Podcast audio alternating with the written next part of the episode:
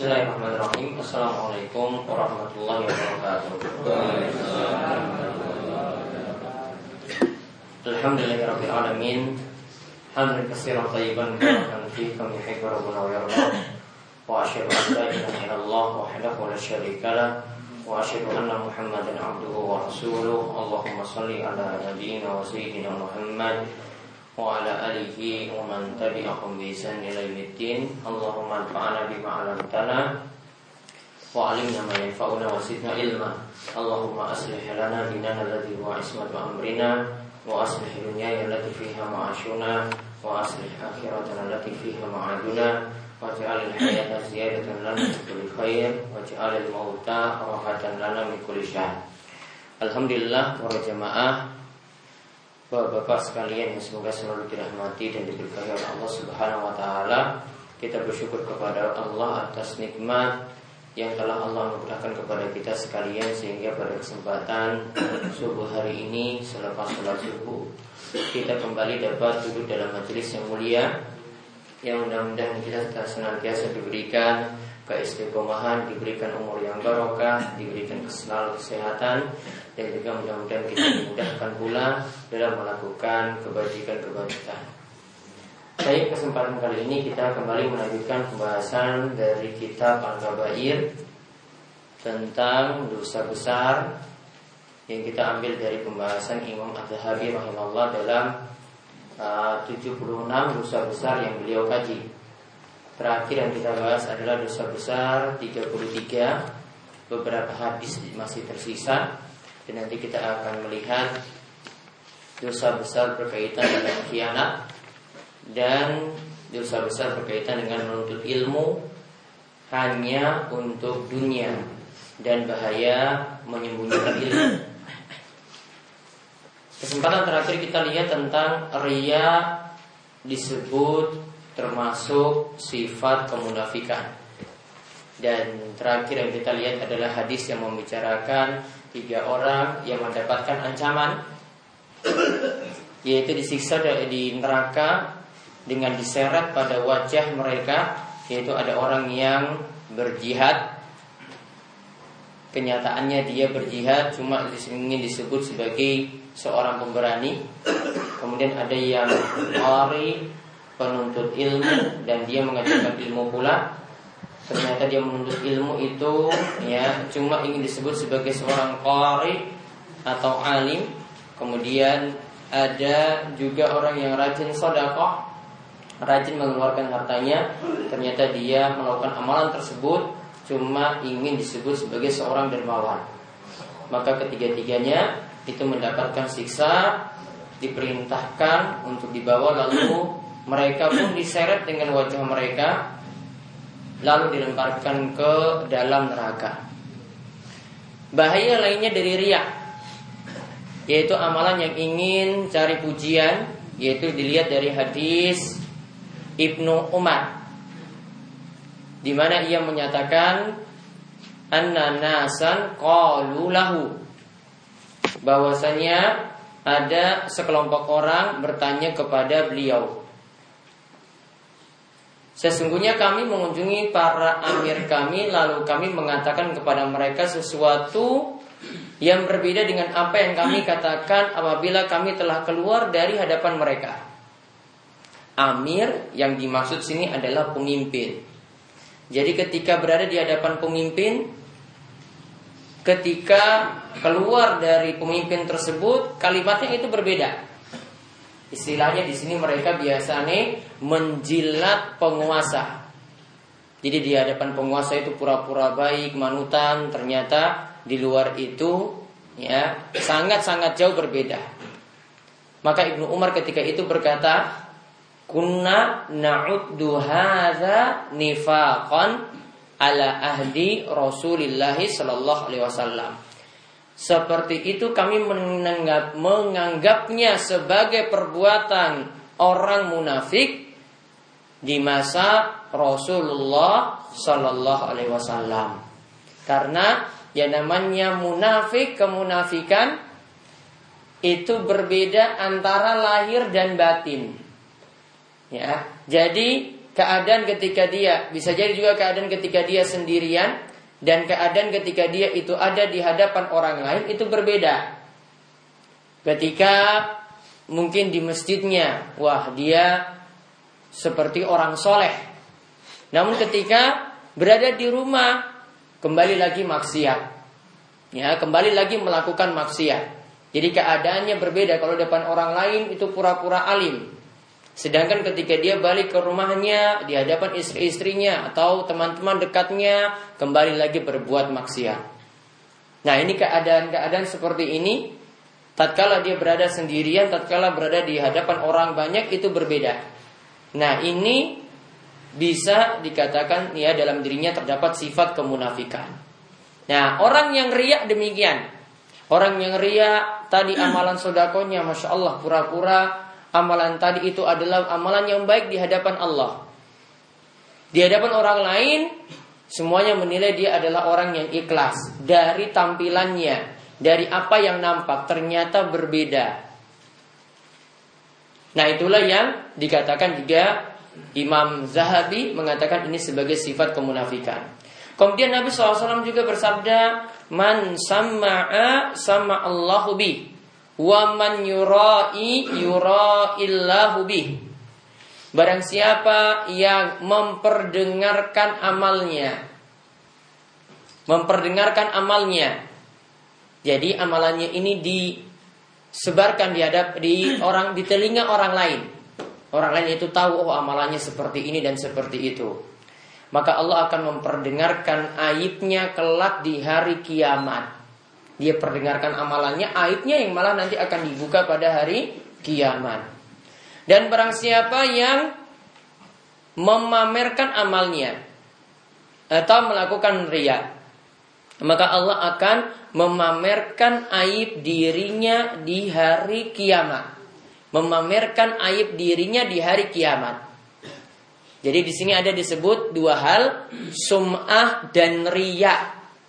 Ada disebut apa? Sum'ah dan riya. Kalau sum'ah itu dari indera pendengaran. Jadi amalan orang ini sampai didengar orang lain. Ya, amalan orang ini sampai didengar orang lain.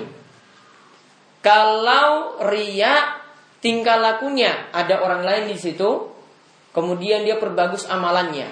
Sholatnya yang biasa dibuat lebih-lebih ditambah-tambah. Ya, Sholatnya yang biasanya cepat-cepat, ketika ada orang lain di situ dia buat, ya sholatnya kelihatan sangat khusyuk sekali. Jadi kalau ria ini kaitannya dengan indera penglihatan. Jadi dilihat. Kalau sum'ah itu didengar. Dua-duanya tujuannya sama. Amalannya ingin dapat pujian manusia. Ya, amalannya itu ingin dapat pujian manusia. Hadis yang kita bahas tadi adalah hadis yang mutafakun alaih diriwayatkan oleh Imam Bukhari dan Muslim.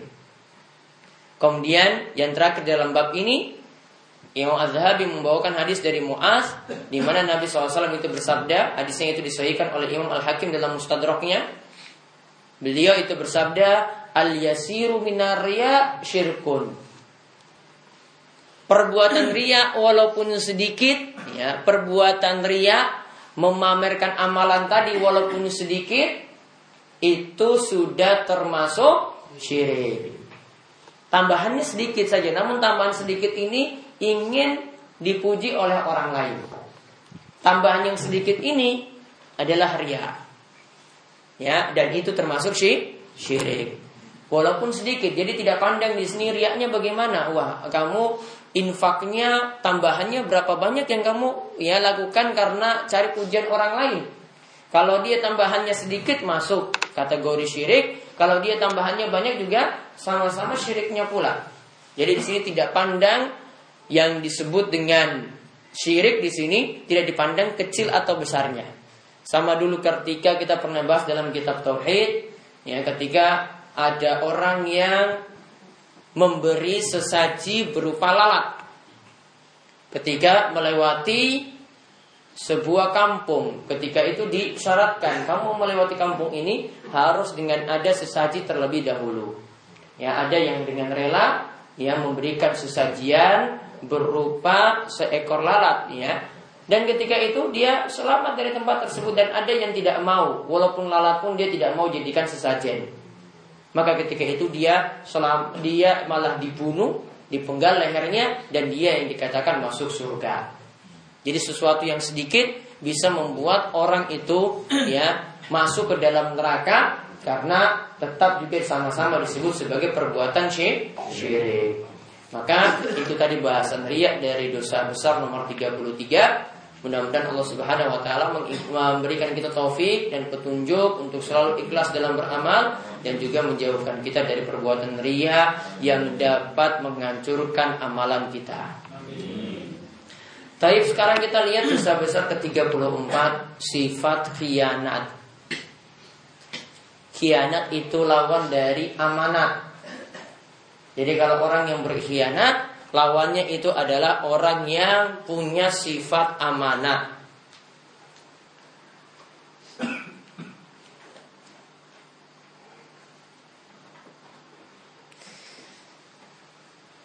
Beberapa ayat di sini menyebutkan nantinya tentang sifat-sifat khianat. Ada dua ayat Al-Quran dan ada dua hadis Nabi Shallallahu Alaihi Wasallam. Ada dua ayat Al-Quran dan ada dua hadis Nabi Shallallahu Alaihi Wasallam. Di situ ada disebut surat Al-Anfal, ada juga di situ disebut surat Yusuf. Berarti kalau bapak-bapak itu ya nanti mengkaji Al-Quran, pasti nanti akan melewati ayat-ayat yang semacam ini. Itu didapati kapan? Ketika Al-Quran itu bisa dikhatamkan. Ya, atau pasti nanti akan melewati surat Al-Anfal tadi dan pasti nanti melewati surat Yusuf. Nah, kapan di sini para ulama biasanya prioritas dalam menghatamkan Al-Qur'an mereka yang punya keilmuan, kepemahaman dalam Al-Qur'an, punya pemahaman terhadap Al-Qur'an, ya. Ini beda dengan kita-kita. Jadi ketika mereka itu mengatakan Al-Quran biasanya mereka itu punya target sampai ya biasanya di luar bulan Ramadan itu tujuh hari. Ada yang sampai 30 hari, ada yang sampai 40 hari. Berarti kalau memilih 30 hari lah, taruhlah berarti rata-rata satu hari niku dibaca satu juz. Itu di luar bulan Ramadan. Ya, namun kalau di bulan Ramadan mereka lebih giat lagi untuk hatamkan kalau Imam Qatadah itu setiap tiga hari. Ya, ada Qatadah bin Da'ama itu setiap tiga, tiga hari. Mereka itu kadang makan itu cuma uh, istirahatnya itu gara-gara ingin banyak ibadah di bulan Ramadan sampai-sampai istirahatnya itu cuma antara maghrib dan isya. Ya, bernisa sampai subuh itu ibadah terus. Sampai-sampai ada yang seperti itu.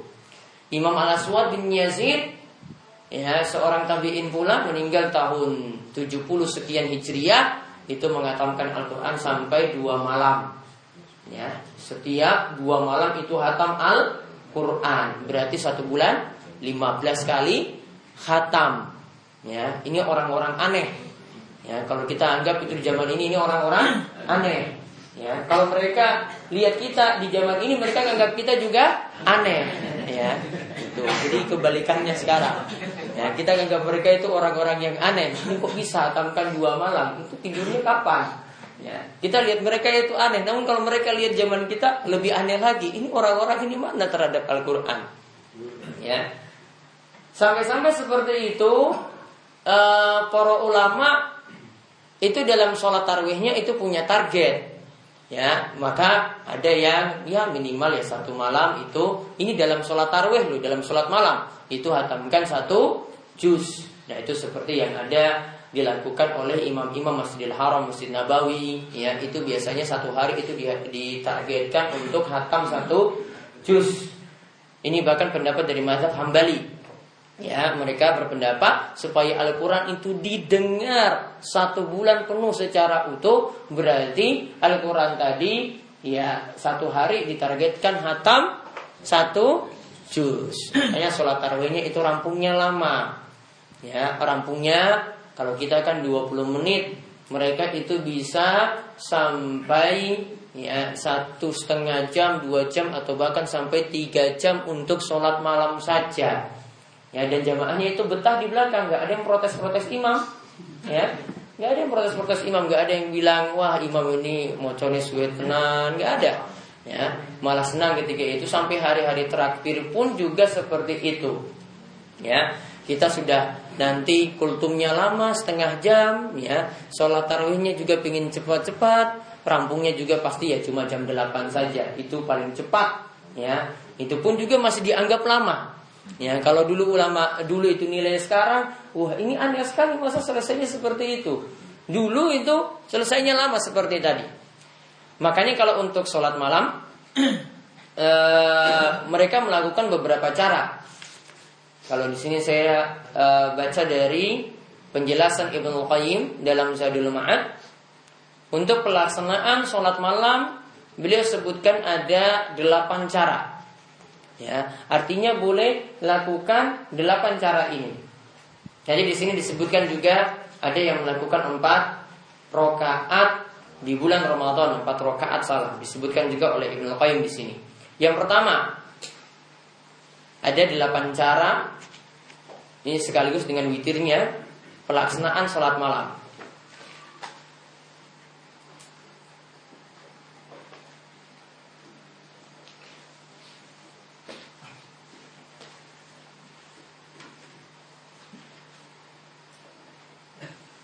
Yang pertama melakukan dengan dua rakaat salam, dua rakaat salam tanpa didahului sholat yang biasa disebut dengan sholat iftitah dua rakaat ringan. Ya. Tanpa didahului dengan sholat iftitah dua rakaat ringan.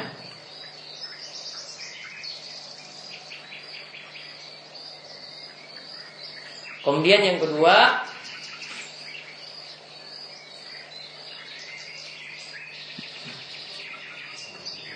mengerjakan dengan dua rakaat salam sampai sebelas rakaat. Dengan witir satu rakaat.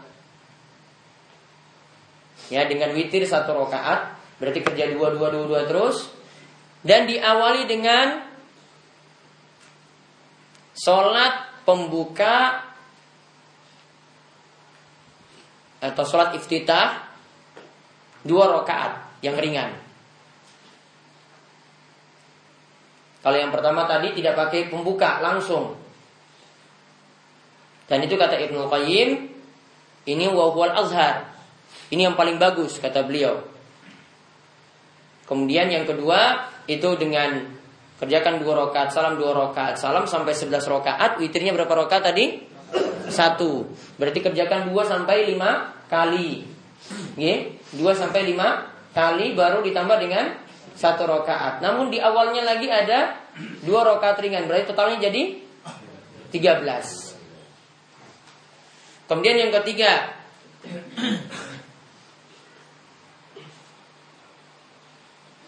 tiga belas rokaat. Ya, cuma disebut sini tiga belas rokaat. Berarti yang dua rakaat pertama itu tidak masuk dalam dua rakaat pembuka. Langsung mulai sholat malam seperti itu. Ya, jadi yang ketiga itu 13 rakaat. Ini nanti dikerjakan dua rakaat salam, dua rakaat salam. Kemudian yang keempat, mengerjakan empat rakaat, ya, mengerjakan empat rakaat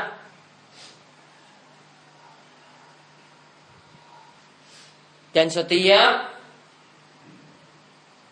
dua rakaat itu salam.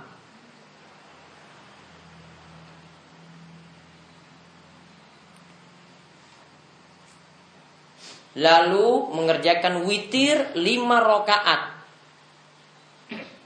Lalu mengerjakan witir lima rakaat. Dan duduknya tahiyat akhir di rakaat kelima. Dan tahiyat akhir di rakaat ke kelima.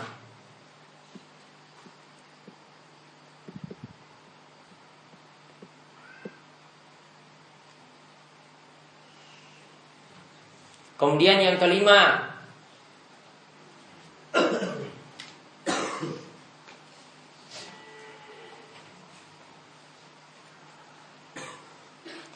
mengerjakan sembilan rokaat.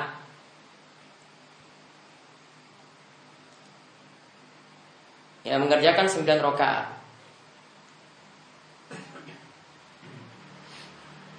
Dengan cara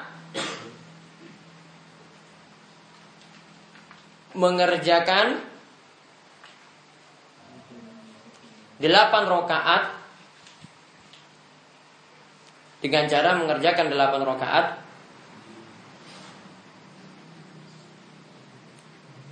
lalu duduk. Tahiyat awal. Tahiyat awalnya itu pada rokat ke-8 kemudian berdiri lagi untuk rokat ke-9 ingat ini belum salam gih belum salam. Berdiri lagi untuk rokat ke-9 lalu tahiyat akhir dan salam. Lalu tahiyat akhir dan salam.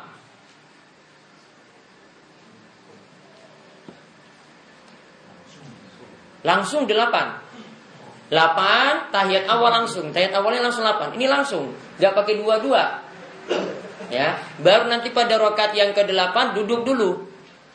Baru lanjut berdiri lagi ke rokat ke sembilan, baru kemudian tahiyat akhir langsung salam. Lalu ditambah setelah itu dua rokaat Lalu ditambah setelah itu dua rakaat. Ini terpisah nggih? Sudah tutup witir tadi. Kan sudah ganjil kan? Nggih, sudah ganjil. Ditambah dengan dua rakaat lagi dengan cara duduk. Ditambah lagi dua rakaat dengan cara duduk. Berarti ini jadi jawaban kalau kita sudah tutup sholat tarweh misalnya dengan sholat witir masih boleh tambah rokaat lagi, dua rokaat lagi masih boleh. Dalilnya ini. Sehingga dalil yang katakan sholat itu jadi penutup sholat malam itu hukumnya sunnah. Artinya kalau tidak ditutup dengan sholat witir, ya itu masih boleh seperti ini. Sudah tutup witir sudah ganjil. Harusnya kan digenapkan dulu kan, baru tambah lagi dua. Namun tidak, beliau tambah langsung dua. Jadi witirnya tadi sudah selesai sudah, tambah lagi dua setelah itu. Kemudian cara yang keberapa? 6. Mengerjakan tujuh rakaat dengan cara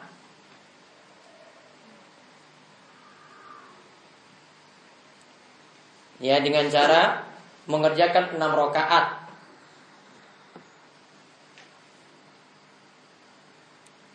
dengan cara mengerjakan enam rakaat. Lalu tahiyat awal. Jadi enam langsung ya, seperti tadi yang sembilan itu ya. Enam langsung sampai tahiyat awal.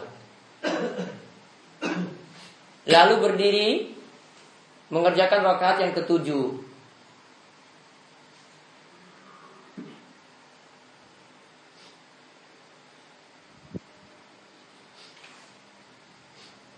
Kemudian tayat akhir dan salam.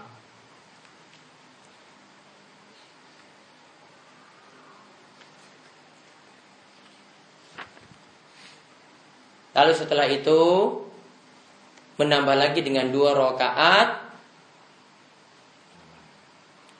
Lalu setelah itu menambah lagi dengan dua rakaat dengan cara duduk. Dengan cara duduk.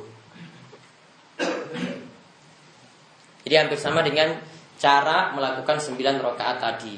Ini juga menunjukkan setelah witir masih boleh tambah dengan dua rakaat. Terus cara yang ketujuh. Ya, cara yang ketujuh. Melakukan dua rakaat salam, dua rakaat salam.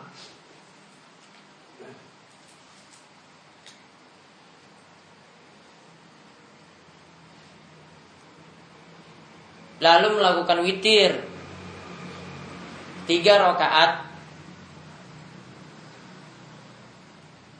lalu melakukan melakukan witir tiga rakaat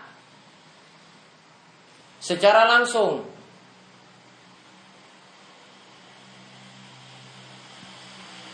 Ya, jadi tiganya langsung. Ya, langsung tiga tahiyat akhir. Nah, itu cara yang ke tujuh. Lalu cara yang terakhir Sholat di bulan Ramadan dengan empat rokaat. Jadi disebut di sini yang kedelapan dengan empat rokaat.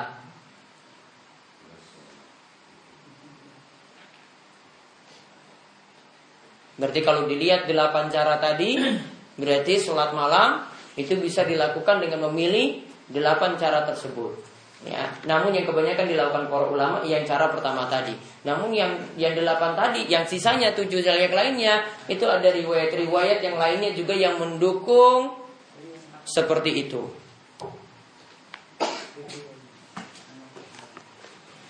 Nah, jadi kalau kita kembali tadi, kalau Al-Quran itu dibaca pada sholat taraweh, ya terserah melakukan seperti apa tadi. Di sini dibatasi sampai 11 atau 13. Ya, karena sholat ini yang jadi pertimbangan Ibnu Qayyim ini yang dilakukan oleh Nabi Shallallahu Alaihi Wasallam. Sedangkan di masa Umar bin Khattab, Umar dulu ya melihat jamaah itu sudah tidak kuat berdiri lama. Sehingga yang 11 rakaat yang mungkin kalau mau dihitung-hitung ya bisa jadi satu rakaat itu setengah jam atau sampai satu jam. Satu rakaat loh ya. Bisa rampungnya lama seperti itu akhirnya dipotong dijadikan double jadi dua sehingga 11 itu nanti jadi 23 di masa Umar bin Khattab Umar bin Khattab tidak keliru karena dia pingin Sholatnya selesai sama dengan Nabi Shallallahu Alaihi Wasallam, namun dengan berdiri yang lebih ringan. Jumlah rakaat yang ditambah.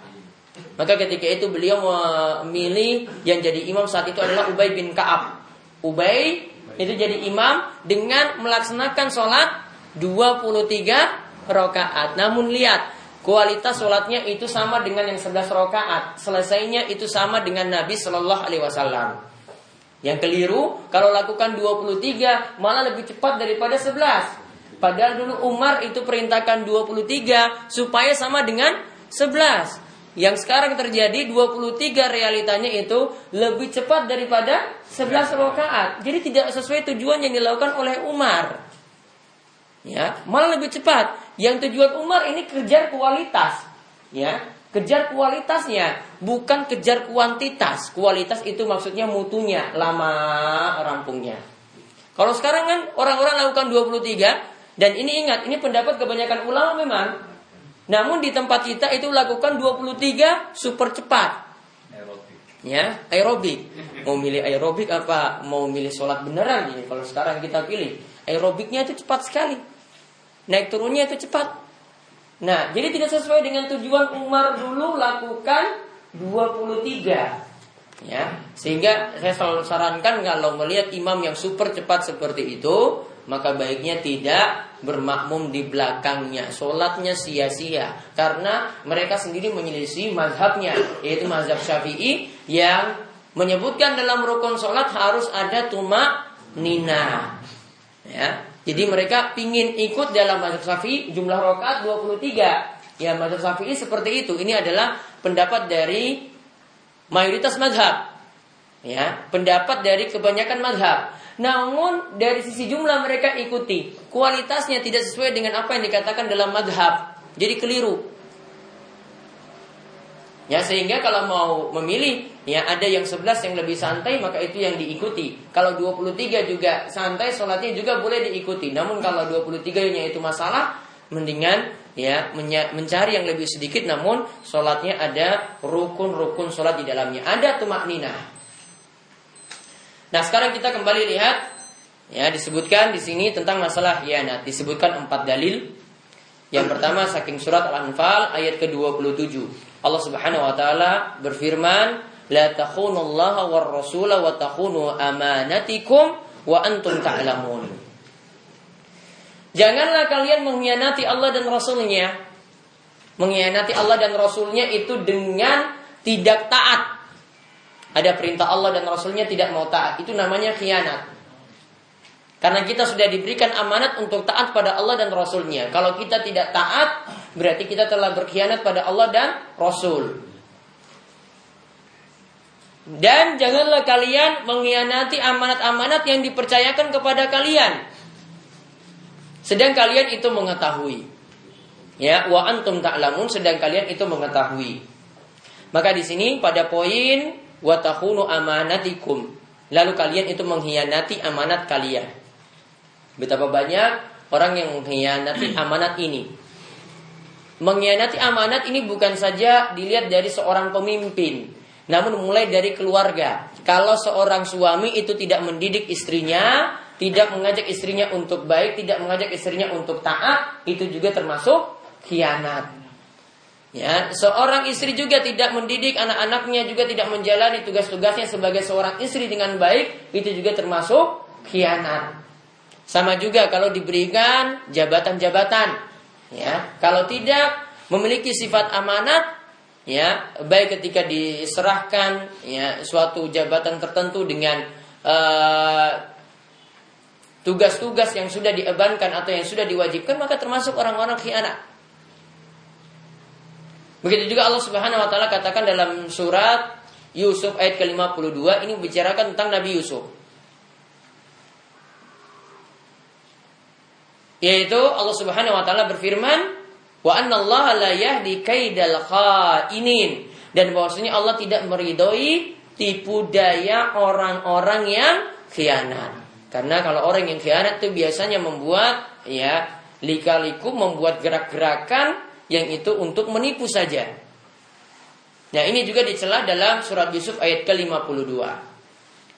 Kemudian Nabi SAW sendiri itu bersabda, sampai menafikan iman bagi orang yang tidak amanat. Sampai meniadakan iman bagi orang yang tidak amanat. Nabi SAW itu bersabda, yaitu dalam hadis yang diriwayatkan oleh Imam Ahmad dalam musnadnya, La imana liman la amanata lahu, waladina liman la ahda lahu. Tidak ada iman. Artinya imannya jadi tidak sempurna di sini bukan dinafikan iman secara total. Maksudnya imannya tidak sempurna bagi orang yang tidak memiliki sifat amanah. Waladina liman la ahdalahu dan tidak ada agama bagi orang yang tidak bisa menjaga perjanjian. Jadi sudah buat janji dengan orang lain, perjanjian dengan orang lain tertulis, dia langgar. Begitu juga di awal di sini dikatakan tidak ada iman ketika orang itu tidak punya sifat amanah. Kalau dinafikan iman seperti ini, berarti perbuatan yang dilakukan ini adalah dosa. Berarti kalau tidak amanat ini berarti termasuk dalam dosa. Dan menafikan iman di sini berarti juga termasuk dalam dosa besar. Sebagaimana yang diinginkan oleh Imam Zahabi ketika membawakan hadis ini dalam bab ini. Lalu Imam Zahabi juga membawakan hadis tentang tanda-tanda orang munafik ada tiga. Ayatul munafiki salasun. Tanda munafik itu ada Tiga, idza haddatsa kadzaba, jika dia berbicara dusta. Yang kedua, wa idza wa'ada akhlafa, jika dia berjanji dia mengingkari. Kemudian yang ketiga yang ingin jadi poin di sini adalah wa idza atumina khana, jika diberi amanat dia kianat. Diberi amanat di keluarga, diberi amanat yang mengenai jabatan atau yang lebih tinggi lagi daripada itu. Dia kianat, ini termasuk orang-orang yang tidak mengemban amanat dengan baik. Lalu Imam Zahabi menyebutkan berkhianat itu adalah suatu yang amat buruk dalam segala hal. Dan sebagian lebih jahat daripada sebagian yang lainnya. Jadi sifat khianat niku bertingkat-tingkat. Ada yang ada yang saking parahnya. Ada yang parahnya itu e, menurun lagi. Ada yang biasa-biasa pertengahan. Jadi ada yang sangat-sangat parah. Orang yang mengkhianati Anda misalnya kata Imam Zahabi pada sebesar duit. Tentu tidak sama dengan orang yang mengkhianati Anda pada keluarga dan harta Anda. Dan melakukan dosa-dosa besar yang lainnya. Maka di sini berarti berkhianat itu bertingkat-tingkat dosanya. Dilihat mana yang kerusakannya lebih besar. Lalu pada dosa besar ke-35 nanti kita bahas lengkap insya Allah di pertemuan berikutnya yaitu disebutkan tentang menuntut ilmu untuk dunia dan bahaya menyembunyikan ilmu. Ya, nanti insya Allah kita bahas secara lebih lengkap pada pertemuan berikutnya. Namun untuk minggu depan saya liburkan. Nanti kita ketemu lagi tanggal 14 ya tanggal 14 insya Allah lagi kita bertemu untuk melanjutkan pembahasan kitab Al-Kabair. Jadi untuk hari Ahad depan libur. Baik, itu saja yang dibahas. Monggo jika ada pertanyaan sebelum kami tutup, dipersilakan. Ya, Pak Hari. Terima kasih. Saya menanyakan tentang uh, mazhab nih Ustaz. Apakah kita itu masih wajib hanya uh, meyakini satu mazhab saja ataukah ataukah kita itu harus uh, dari empat mazhab itu harus kita uh, laksanakan. Itu yang pertama, yang kedua Eh, saya pernah mendengarkan pengajian dari Abu Yahya yang mengatakan bahwa eh, dari Brebes itu yang mengatakan bahwa Nabi mengajarkan sholat malam delapan rakaat itu di luar Ramadan. Di luar Ramadan. Yang selama Nabi itu melakukan sholat taraweh di dalam Ramadan itu Nabi tidak terhitung rakaatnya. Bahkan e, setiap ada kesempatan Nabi selalu mengadakan e, sholat taraweh sholat taraweh terus. Itu sehingga beliau Abu Yahya, Abu Yahya itu mengatakan bahwa sholat taraweh ada yang 36 ada yang 20 ada yang 8 rakaat. Itu menurut Ustadz seperti ini kadang-kadang saya sendiri itu bingung apakah benar seperti dalil-dalil yang seperti itu. Baik, yang pertama tadi tentang masalah madhab. Apakah setiap muslim itu wajib memilih mazhab tertentu? Maka dibedakan keadaan kita ketika baru awal belajar. Ya, baru awal belajar saat itu bagusnya lebih condong pada satu madhab. Ya, misalnya di negeri kita ini ya dengan mazhab Syafi'i. Ketika kita belajar sangat membantu ketika kita mengikuti cara mazhab itu beribadah atau memiliki fikih lalu kita ikuti. Itu lebih enak. Karena orang yang baru belajar itu belum punya kemampuan untuk menelaah dalil. Belum punya kemampuan untuk menelusuri dalil. Ini dalilnya benar atau tidak ini sahih atau tidak kemudian dia simpulkan lagi ini belum belum punya kemampuan maka kalau untuk orang awam untuk orang yang baru belajar sebisa mungkin ya dia ikuti satu pendapat. Nah, ketika dia sudah uh, mengikuti satu pendapat tadi, lalu dia sudah punya kemampuan ketika itu, sudah punya dasar, dasarnya sudah kuat. Lalu dia ingin lebih dari itu. Ya, yang jelas di sini jangan fanatik.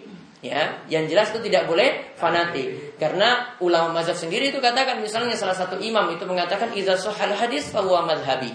Jika hadis itu sahih, maka itulah mazhabku. Jadi patokannya bukan dari pendapat beliau, namun patokannya di sini adalah dilihat dari hadis. Berarti imam mazhab sendiri itu mengajarkan pada kita jangan fanatik. Jadi Imam Syafi'i tidak ajarkan, eh kalian itu harus ikuti saya. Saya ini yang paling benar. Kalau kalian keluar dari mazhab saya berarti kalian sesat. Tidak ada satupun imam mazhab yang katakan seperti itu. Jadi kalau ada kiai misalnya yang katakan kalian wajib ikuti mazhab Syafi'i, nggak boleh keluar-keluar dari mazhab Syafi'i, keliru. Atau juga ada sebagian kiai itu katakan bahwasanya kalian tuh manut saja. Ibaratnya kalian itu seperti mayit yang mati ketika dimandikan, nggak pernah protes. Ya, mayit kalau dimandikan ada yang protes mayitnya. Ya, mayatnya ada yang protes. Ketika dipijit misalnya keluar kotorannya tadi, Pak pelan-pelan, ada yang protes. Ada. Jangan gitu. Ya, nggak ada yang protes kan manut kan ya? Ikuti saja. Kalau kiai katakan seperti itu, kiainya keliru. Ya, ini ngajak orang fanatik, nggak boleh. Kalau dia sudah punya tingkatan lebih tinggi, kemudian menelusuri, oh ini ternyata ada beda pendapat.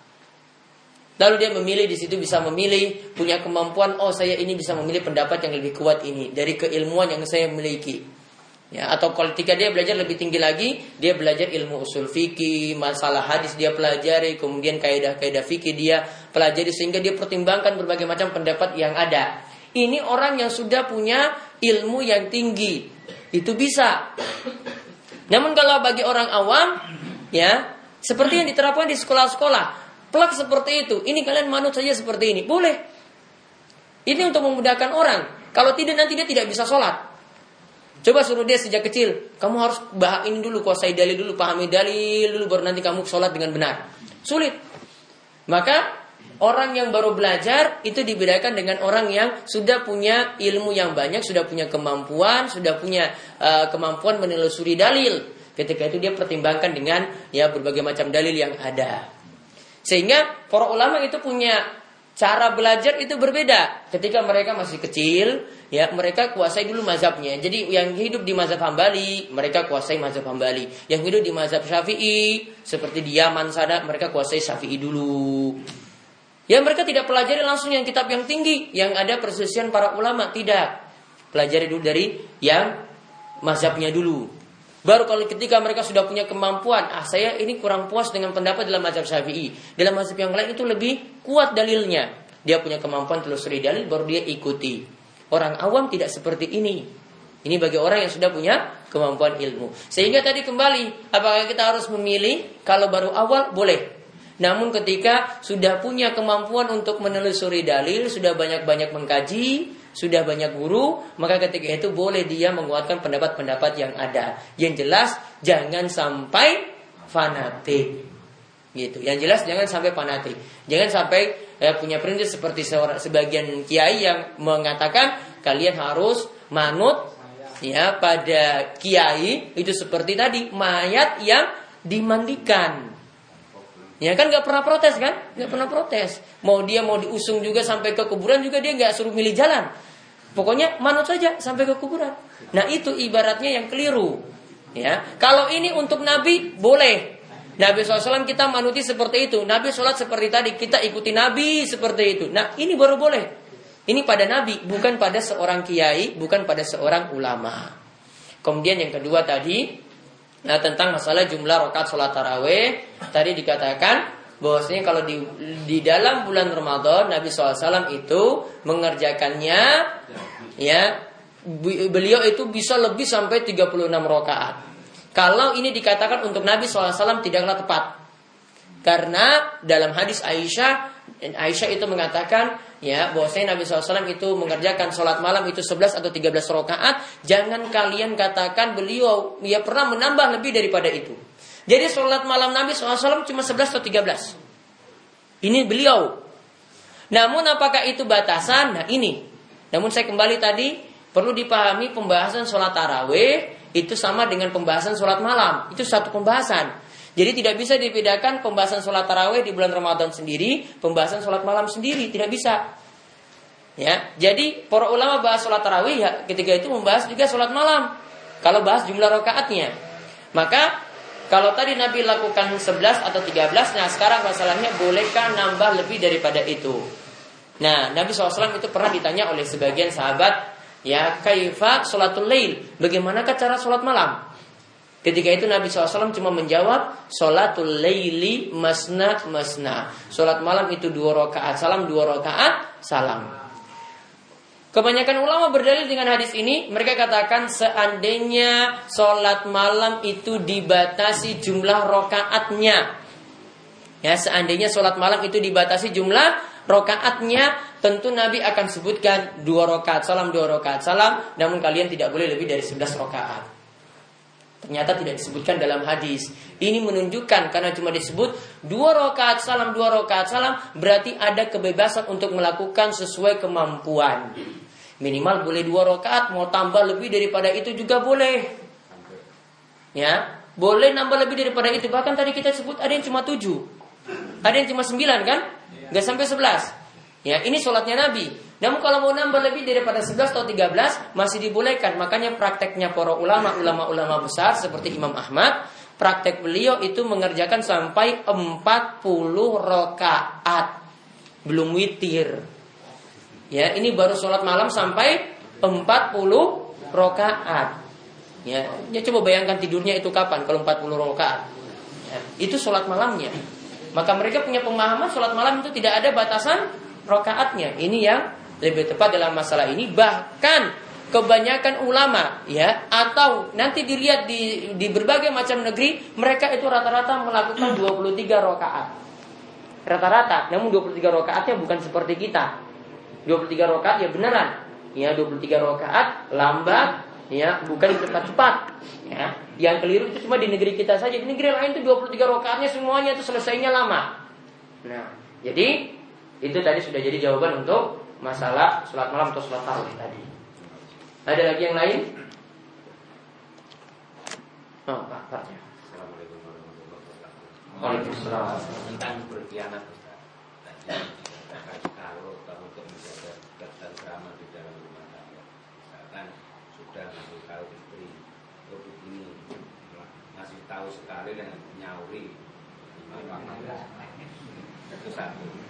Kemudian kedua ngasih tahu ini tentang kebaikan dia mengakukan. Wah. Nah, terus untuk lebih cepatnya agar juga di dalam rumah tangga itu misalnya bukan berarti melukro ataupun malah berhenti seorang suami Hmm. itu bagaimana caranya itu yang pertama kemudian yang kedua dalam sholat eh, dalam sholat tarawih bilang sholat tarawih ini sudah pernah saya katakan bahwa masnun dan mustahab. Masnun mustahab. Ya. Itu maksud yang sedetailnya bagaimana. Kemudian saya pernah membacakan membaca sampai tentang tentang fikih sunnah jilid dua. Said Sabit. Eh, bilangan Said Sabit penulisnya ya. Tentang bilangan-bilangan rokaat dalam sholat tarawih itu. Bahwa di situ diterangkan setelah ini tidak ada sunnah Nabi lagi yang dikerjakan tapi realitanya dalam kenyataannya pada masa Umar bin Khattab dan sahabatnya sholat rakaat itu dikerjakan 20 rakaat dan itu diperkuat oleh Imam Syafi'i ketika ketika itu melihat di Mekah. Kemudian yang ketiga ada seorang eh, katakan seorang ustaz mengatakan bahwa di, di, Indonesia ini mayoritas adalah eh, menggunakan madhab Imam Syafi'i. Jadi kalau mengakukan Imam Syafi'i itu adalah tidak benar. Apakah dalam hal ini mayoritas dan tidak itu seperti pemilu ataupun tidak kata-kata seorang imam itu tadi salah. Yang kedua juga ada seorang imam juga. Yang keempat berarti? Ya, yang keempat. Juga keempat. Yang keempat itu mengatakan juga bahwa di dalam berdoa itu disunahkan untuk menggunakan kopiah putih dan baju putih. Apakah itu ada hadisnya? Ataupun tidak. Ya, terima kasih. Yang pertama tadi tentang istri yang sulit dinasehati, ya. Sama juga ada suami juga yang sulit dinasehati. Jadi jangan istri terus yang disalahkan nantinya. Suami juga ada yang ngeyel. Ya. Karena kemarin ada yang tanya saya juga, aduh Ustaz ini suami saya ini sulit dinasehati. Ya, sama juga dulu. Seperti itu. Jadi intinya ya itu masalah rumah seperti itu aja. Suami sulit dinasehati atau istri sulit dinasehati itu suatu yang ada itu kali rumah tangga seperti itu ya harus jalani. Sebagaimana kita juga sulit nasihati orang tua kita, sulit nasihati anak kita, sulit nasihati tetangga, sulit nasihati jamaah masjid. Itu biasa tantangan. Ya, kalau tidak ada seperti itu, ya lurus-lurus saja. Ya kan nggak asik kan? Nggak asik. Ya nggak ada lawan. Ya coba kalau bertanding misalnya bertanding di lapangan kita tunggu lawan gitu ketika itu mana ini yang mau lawan saya bal-balan. Ya yang ada kita masukin ini bola sendiri kan dalam gawang sendiri kan nggak enak. Maka di situ ada tantangan. Ya ada tantangan tuh lebih asik. Ya sehingga menunjukkan kemampuan. Nah makanya ketika itu ada istri seperti itu, itu untuk melatih kita untuk sabar, untuk nasihati terus, untuk banyak berdoa terus. Itu lebih asik. Jadi anggapnya itu dari sisi lain, jangan anggapnya ah, susah terus punya istri seperti ini. Lihat dari sisi lain. Ya. Gak ada pemain-pemain cadangan kalau istri gak ada. Makanya di kartu nikah kan gak ada expirednya kan?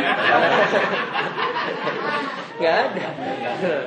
Jadi ya itu namanya tantangan saya dalam rumah tangga. Jadi nasihati pelan-pelan, lemah lembut. Sebagaimana istri juga hadapi suami seperti itu. Dia eh, hadapi suami juga dengan lemah lembut, yang penuh nasihat. Itu suatu tantangan seperti itu. Jadi suatu yang wajar. Dan itu juga membuat kita nanti lebih banyak berdoa, lebih banyak terus belajar, lebih banyak terus bagaimana nasihati dengan cara yang baik. Itu nanti membuat kita ya punya kemampuan seperti itu. Ya, ini untuk memperbaiki diri kita juga. Ya. Jadi tetap nasihati terus dan jangan sampai bosan-bosan untuk menasihati keluarga atau menasihati istri. Kemudian yang kedua tadi tentang masalah sholat. Sholat malam. Yang ditanyakan tadi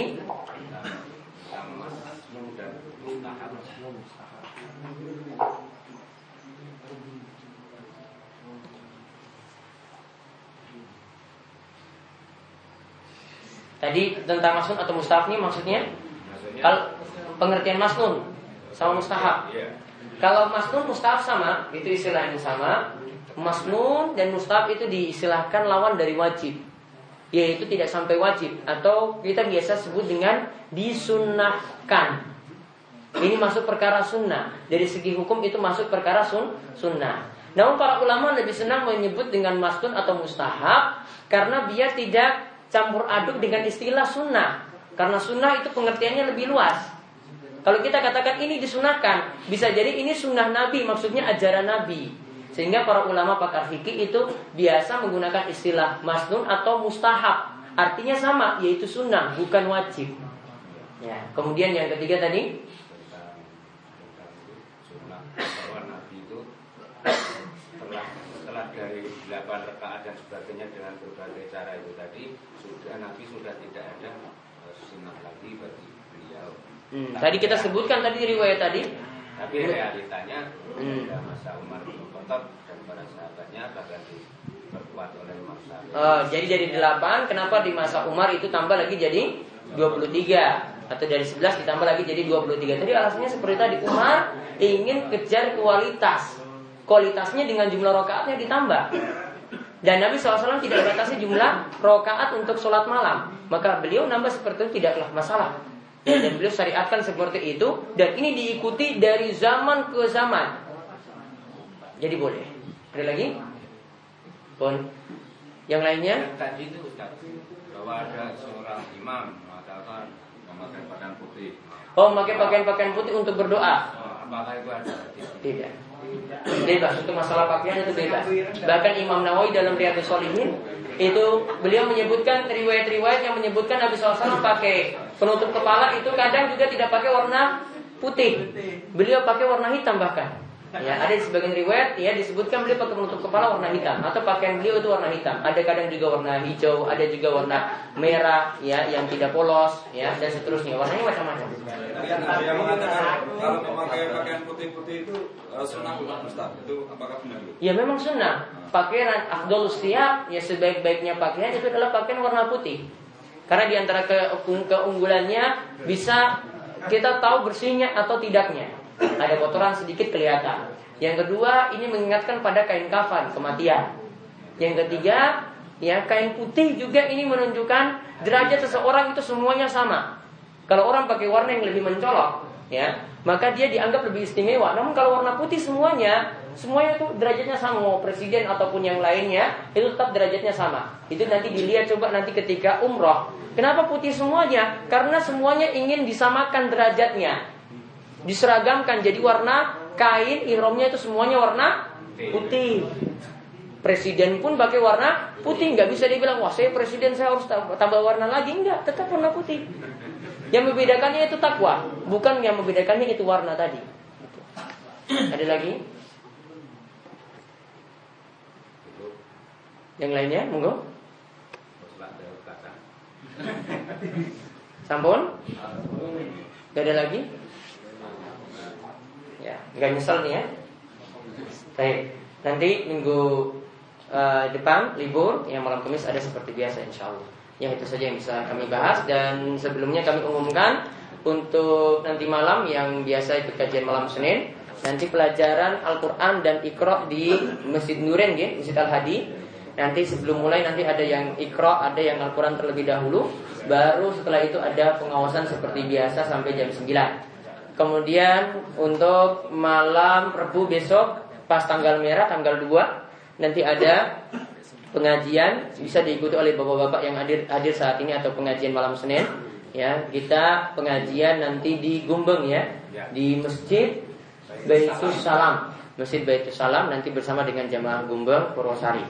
Ya nanti kumpul di sini uh, sholat nisa di sini ya sholat nisa di masjid sini Kemudian nanti kita berangkat langsung bermisa selesai dengan langsung dari sini setengah 8 sampai sana jam 8 insya Allah. Langsung kita mulai kajian.